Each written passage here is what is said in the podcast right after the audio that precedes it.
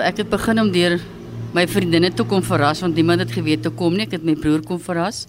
Ek het bietjie na Montetjie toe gery wat vir my asemrowend skoon is, die Weskaap werk. Ek weet nie wie se aan bewind daar nie, maar die Weskaap is definitief skoner as Ooskaap. Ek het toe teruggegaan Kleuterland toe en die een seentjie het vir my gesê, "Tannie, hulle het my eers net so gekyk."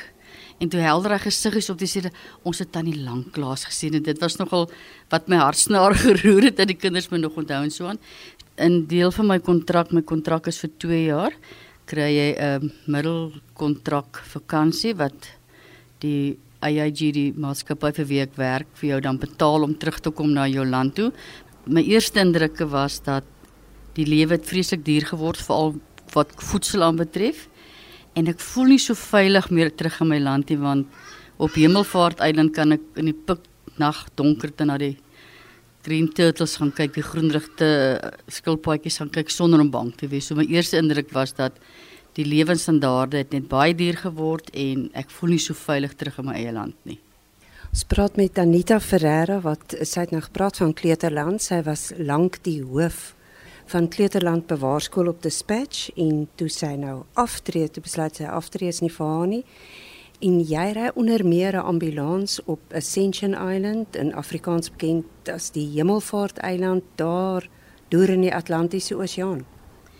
Ja, die lekkerte is gewoonlik maar oor Kersseisoen wanneer die bote wat nou die grond moet aflaai, die teer moet aflaai om ons nuwe aanloopbaan vir die vliegtyg het hulle heeltemal opgegradeer so dan is daar baie keer bietjie mense wat nie veel partytjie dan moet ons hulle nou maar of op die op die hawe hoof gaan haal Maar die lekkerte was wat ek nou ondervind is is dat as ons 'n pasiënt op die boot moet genaal wat nou baie siek is of ernstig is, dan word ons in 'n staal raamkas gesit. Dan vat die huiskraan die lig ons op oor die hawe hoof. Ons word op 'n platboot boot neergesit en dan gaan die boot uit na die groot skip toe. Dan gaan of ek en die dokter op met die skip of hulle bring die pasiënt af wat ons dan na die hospitaal toe moet vervoer om dan nou te kyk wat is nou verkeerd. So dit is lekker om op hierdie plat bootskip net op hierdie rowwe see te ry daar die groot skip toe om dan 'n pasiënt te gaan help wat dan siek is en so aan. En dan het ons een keer 'n pasiënt gehad wat op sy eie gaan stap het en op Ascension, Hemelvaart Eiland, loop jy nie alleen nie. Jy loop met genoeg water want daai son klap jou oral so hy jou kry en dis losgrys klippe, vulkaniese as en hy toe verdwaal net gedehidreer toe moes ons hom in die veld gaan haal en terug wat hospitaal tot ons om net kan stabiliseer. So dit is een van my lekker dele van hospitaal wees en dan doen ek ook nog maar die ekstrale om net die basiese goeders vir die dokter te help met diagnose en so aan. En ja, dan nou ons maar net die hospitaal skoon kyk dat al die voorrade op datum is en dat daar genoeg voorrade is want ons kry net eenmal in 3 maande nuwe voorraad in op die eiland. Dit Anita, jy's nou al um, jare en 'n half, langer as 'n jaar en 'n half op Ascension Island en jy die ambulans is byvoorbeeld 'n uh, Land Rover en ehm um, jy loop ook baie. Daar's blykbaar baie staproetes en jy skrik nie vir daai vulkaniese rots of die haie wat daar onder swem nie. Jy stap en jy swem. Ja, ons het wat hulle noem uh, 42, hulle noem dit nou letterboxe posbuste nou. Daar is 42 van hulle en as jy nou by die posbus kom kry jy nou 'n stempel om te sê daai spesifieke roete nou gedoen maar dit is nie so stap in die Tsitsikamma nie of in die Karoo nie want dit is los grys stof jy kan gly en as jy gly maak die klinker nog 'n lelike wond maar jy leer om daarmee saam te leef en my seun Jaco sê altyd vir my ma jy stap nie alleen nie so dit was 'n vreeslike aanpassing vir my om te leer om nie alleen net weg te raak nie want dit is nie veilig nie.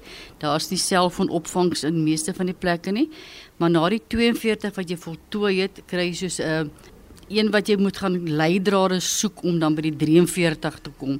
En as jy nou al die leidrade gevolg het soos heel gewoonlik is dit nie op 'n normale roete nie, dan kry jy nou nog stempel nommer 43 en dan kan jy nou vir jou 'n TM gaan kry met al jou stempels op en jy kry sertifikaat om te sê jy het nou al jou stappe jy het nou voltooi. So uh met my laaste een en my 42ste een het ek op 'n baie gelyk area gekom en ek is so per ongeluk oor oor vorentoe geval en ek het so 'n bietjie 'n probleem gehad op my knie en toe ek in die hospitaal kom toe sê die dokter vir my Danita daar sit jou patella en my seun en ek het net oogkontak gemaak en ek het besef miskien moet ek nou begin groot word Maar na 'n maand se rus het ek net besef nee, ek kan nie stil sit nie. Dit dit werk net nie vir my nie. So stap is my lewe. Stap hou my kop reg en dit hou my gesond. Nou twee dinge wat ek onthou van jou met die eerste onderhoud voor jou vertrek. Daar was twee dinge wat jy gesê het.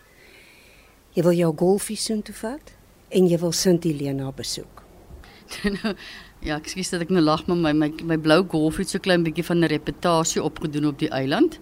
Administreer dit nou reg vir my seun Jaco vra. Hy wil my iets baie persoonliks vra vir Jaco. Hy sê as jou ma met die blou golfie ry, gaan dit soos 'n blits by hom verby. Maar ek het nou 'n trapfiets waarmee ek hospitaal toe ry, so 1.5 km.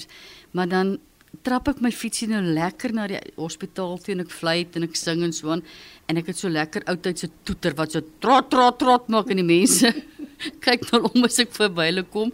So ja, my klein golfie het nou 'n reputasie gemaak op die eiland en om na Suid-Afrika toe te kom as jy van Hemelvaart eiland af kom, stop die vliegtyg oor in Sint Helena en dan vertrek jy Johannesburg toe so Ek het net besluit dis 'n dom ding as ek nie op Sint Helena afklim nie, want Sint Helena so baie geskiedenis, so ek het toe ek nou terug uitgevlieg het uit uh, Hemelvaart Eiland, was ek vir 7 dae op Sint Helena Eiland en ek het hom so bietjie gaan verken, maar ek het net besef dit gaan nie so maklik wees nie, want dit is net opdraande. So ek het my so half bietjie moeg geloop. En jy het jouself daar vasgeloop in die geskiedenis. Ja, Sint Helena Eiland is wêreldbekend want dit is waar hulle die klein mannetjie Napoleon genaa toe gestuur het as 'n kruisgevangene. Napoleon het 'n lekker tyd gehad daarso want hy het sy hele gevolg van kokke en aantrekkers en alles gehad so uiteindelik 'n baie lekker tydjie daar gehad. Wat vir my baie treffend was van Sint Helena Eiland is dat daar's baie boere geskiedenis want daar was boere kruisgevangenes na Sint Helena Eiland toe gestuur. Ek het hulle grafte gaan besoek. Dis eintlik hartseer want die grafte is nie regtig gemerk nie. Hulle is net sulke wit sement uh, goetertjies gegooi met 'n nommer op en daar sê die twee uh, naalde wat sê marmer naalde wat sê min of meer al die vanne wat daar was. Maar ek het die voorreg gehad om die museum te besoek en daar's baie boere geskiedenis in die museum dat hulle was wel bekend vir dat hulle mooi handewerk gedoen het, mooi pype gekerf, hulle het mooi stapstokke gekerf en uh ek dink is ek weet nie wat 'n generaal was nie Piet Kronje en sy vrou was daar ook as kruisgevangenes. Daar was 'n Zulu koning in kruisgevangene, maar hulle het regtig nie moeilike tyd gehad nie want die Zulu koning het byvoorbeeld sy hele gevolg gehad wat na hom kom omsien en so aan. Daar's 'n spesifieke pad wat hulle die boer road noem. So die boere het vreeslike groot nalatenskap gelaat op die eiland want tot vandag toe is daar 'n baie sterk band tussen Sint Helena eiland en Suid-Afrika want ek dink omtrent 80% van Sint Helena Eiland se invoere kom alles van Suid-Afrika af. So jy kry basies omtrent 80% Suid-Afrikaanse produkte op die mark daar. OK, ek gaan nou vinnig praat van Sint Helena het ek twee mylpale gehad om te doen. Ek moes na Jonathan, die oudste lewende skilpad in die wêreld gaan. Hy's 190 jaar oud en daar is wat hulle noem 'n uh, Jacob's ladder, 'n 699 trappies, maar hy's op die oomblik besig om herstel te word, so kon dit nie doen nie want dit is die trappe. Was basies 'n trolleywerk wat hulle die goed van die hawe af teen die berg of opgevat het. So uh, ek gaan terug uh, Ascension Island toe, maar ek gaan hierdie keer net deurvlieg. Ek gaan nie stop nie. My plan is van ek weer 'n middelkontrak kry om dan weer vir 'n week tyd op Sint Helena te gaan spandeer. So jy is van plan om nog langer te bly op daai vulkaniese rotseiland. As die liewe Jesus goed genoeg is vir my, sal hulle heel waarskynlik my kontrak hernie. As dit nie gebeur nie, my kop staan Falkland Eilande toe. Omdat dit vir my op hierdie stadium te duur is om terug te kom Suid-Afrika, het ek besef ek gaan nou met tussen die eilande begin rondhardloop. Blykbaar is dan net 3 maande van die jaar somer en dit is net van 9 tot 4 in die middag. So ek dink nou al hierdie hitte want die son is verskriklik op op op die eiland. Dink ek kan ek dalk doen met 'n bietjie kouigheid. Maar net eh, as jy sê jy soek werk en soos jy die werk ook gekry het op um Ascension Island, Hemelvaart Eiland, is jy is 'n geregistreerde stafverpleegster. Al was jy nou jare lank ehm um, hoof van die Kleuterland Bewaarskool op Dispatch, Danita Ferreira. So met jou kwalifikasies as geregistreerde stafverpleegster, is daar nog 'n wêreld buite van werk? Ja, definitief en ek het net besef ouderdom speel basies nie meer 'n rol nie. Want daar's mense ouer as ek wat nog steeds aktief besig is in die professionele wêreld. En Falklands is baie groter, het 'n baie groter bevolking en het 'n baie groter hospitaal en daar's gereeld poste beskikbaar. So ek het klaar begin navorsing doen. Daar is moontlikhede so ek hou maar net alles onder beheer en kyk watter kant toe die liewe Vader my volgende keer wil stuur.